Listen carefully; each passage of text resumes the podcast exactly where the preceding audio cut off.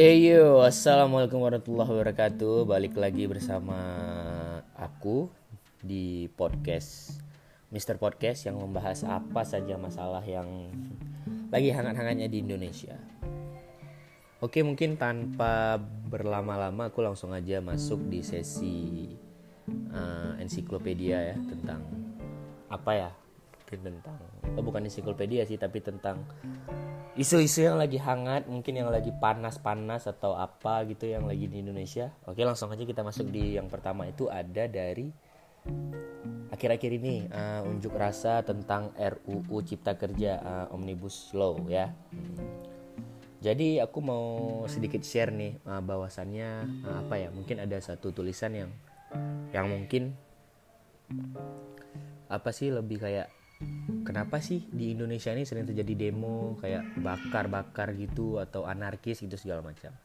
Nah aku akan ambil beberapa tulisan dari uh, postingan tanah merdeka ya. Nah, jadi gini. Di Indonesia tuh apa contoh unjuk rasa damai yang bisa dijadikan acuan untuk menyampaikan aspirasi di Indonesia? Contoh, lima tahun warga Bali menolak reklamasi yang tak digubris. Dua, 12 tahun aksi kamisan yang tak satu pun diselesaikan. Bahkan itu termasuk pelanggaran HAM berat loh. Atau 50 tahun warga Papua yang kerap berakhir dengan persekusi dan penangkapan.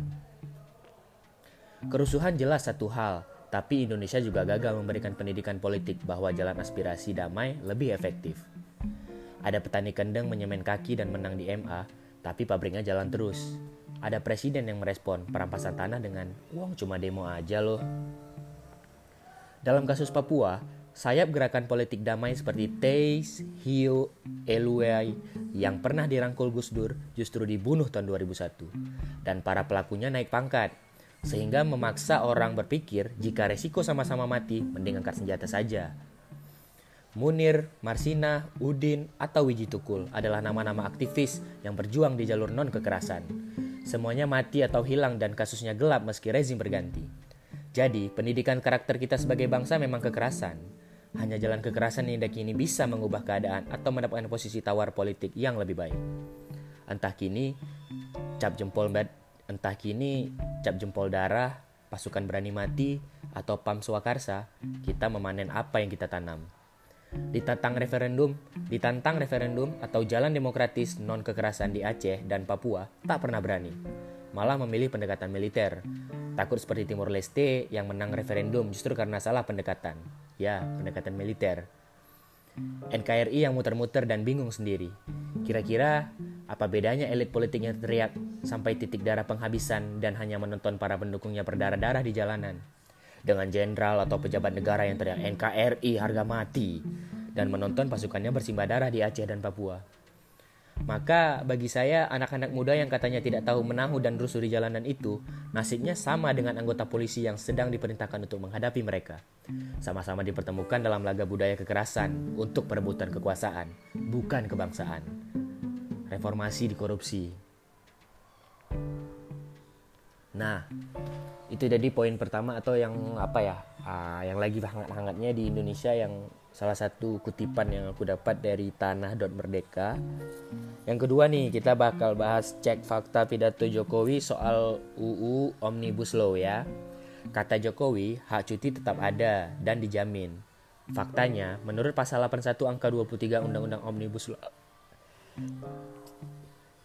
menurut pasal 81 angka 20 menurut pasal 21 menurut pasal 81 angka 23 Undang-Undang Omnibus Law Cuti tahanan 12 hari kerja tetap ada, namun ketentuan istirahat panjang atau cuti besar yang dulu ada dalam Undang-Undang Ketenagakerjaan kini dihapus. Terserah perusahaan itu untuk memberikannya pada pekerja atau tidak. Lanjut, kata Jokowi tidak ada penghapusan UMR. Faktanya, menurut pasal 81 angka 25, Undang-Undang Omnibus Law mengatakan, upah minimum provinsi tetap ada dan jadi kewenangan gubernur. Upah minimum kabupaten, kota, atau UMK tidak lagi jadi kewenangan bupati dan wali kota, tapi dipindahkan ke gubernur dan tidak wajib ada. Jika upah di kabupaten kota hanya ditetapkan berdasarkan UMP maupun UMK yang ditetapkan gubernur berpotensi tidak sesuai dengan kebutuhan real pekerja. Kata Jokowi, undang-undang tidak melakukan resentralisasi kewenangan dari pemerintah daerah ke pemerintah pusat. Faktanya, Proses AMDAL dikembalikan ke pemerintah pusat. Penyelenggaraan penataan ruang diambil alih pemerintah pusat. Ada di dalam pasal 17. Izin penyiaran didominasi proses di pemerintah pusat ada di dalam pasal 72. Sumber ICL Nina Mutmainah Akademisi Ilmu Komunikasi UI akibat Omnibus Law wewenang pemenang Pilkada 2020 dipangkas CNN Indonesia Kata Jokowi, bank tanah sangat penting untuk menjamin akses masyarakat terhadap kepemilikan lahan. Faktanya, Omnibus Law memudahkan investor merampas tanah rakyat dan memenjarakannya.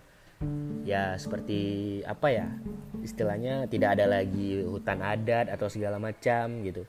Pokoknya yang menentang bakal dipenjarain lah. Omnibus Law memberi pemerintah dan perusahaan kewenangan sepihak menentukan lokasi pembangunan infrastruktur tanpa persetujuan masyarakat. Reformasi agraria semestinya mengutamakan petani, buruh tani, dan rakyat dan rakyat tak bertanah, bukannya pengusaha besar untuk bisa mendapat tanah. Kata Jokowi, undang-undang ini mendukung pencegahan dan pemberantasan korupsi. Faktanya, menurut Omnibus Law pasal 75 angka 2 F dan pasal 55 angka 15, Omnibus Law justru membuka peluang korupsi. Misal, polisi jadi berwenang memberikan usaha, izin usaha serta pengawasan terhadap bidang usaha pengamanan. Salah satu revisi Undang-Undang Lalu Lintas Angkutan Jalan, angkutan alat berat yang melebihi dimensinya boleh tetap melintas semua selama dikawal polisi. Nah, sumber YLBHI, RUU Cipta Kerja bukan peluang korupsi aparat. Nah, mungkin itu ada beberapa apa ya? Uh, ada beberapa beberapa kasus atau yang masih hangat-hangatnya beberapa isu yang masih hangat di Indonesia di Indonesia khususnya di Indonesia. Gitu. Nah uh, terus apalagi ya? Hmm, membahas apa ya lainnya? Hmm, ini ada tulisan lagi siapa pelaku rusuh dalam aksi tolak omnibus law Serba-serbi tentang pelaku rusuh dalam aksi tolak Omnibus Law masih menjadi teka-teki. Beberapa foto menunjukkan bahwa para pelaku pembakaran halte di Jakarta hingga biang provokasi agar terjadi kericuhan tidak tampak seperti orang biasa atau mahasiswa, pelajar STM, dan buruh. Seperti dalam foto ini, mereka berpakaian rapi, bahkan pakaian yang dipakai jika ditotal seharga puluhan juta. Para koordinator aksi di tiap wilayah hampir semuanya tidak merencanakan aksi menjadi ricuh. Tapi sejak awal mendesain aksi bersifat damai. Akan tetapi, Hampir di semua kota besar, bentrokan terjadi. Beberapa masa aksi mengklaim bahwa ada provokator dari luar yang sengaja memisu agar aksi menjadi ricuh. Tujuannya agar masa aksi dicap jelek dan bisa direpresi oleh aparat. Teka-teki terkait pelaku rusuh ini seharusnya dibongkar oleh penegak hukum dan media. Namun minim sekali media mainstream mengulas tentang aksi ini. Dari perspektif kritis, mereka lebih asing mengundang para elit partai hingga pihak aparat untuk mengomentari aksi-aksi tolak Omnibus Law ini. Ya tentu kita tahu bagaimana perspektifnya mereka.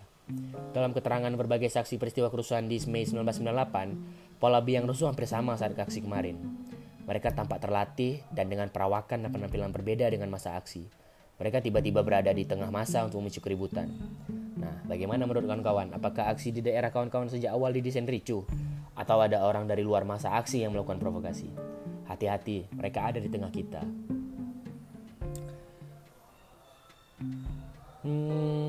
Oke, okay, fellas, ya begitulah uh, sedikit mungkin uh, apa ya? Sedikit mungkin uh, isu-isu yang aku sampaikan di podcast ini. Isu-isu tentang hmm, tentang tentang tentang yang lagi hangat-hangatnya di Indonesia. Next mungkin kalau ada apa aku bakal buat podcast lagi. Oke, ditunggu aja. Terima kasih buat support segala macam semuanya. Thank you dan sampai jumpa di podcast gua selanjutnya. Podcast aku ya, bukan gua. Oke. Okay? Ya, sekian dulu. Aku tutup dengan Assalamualaikum warahmatullahi wabarakatuh. Selamat mendengarkan. Terima kasih.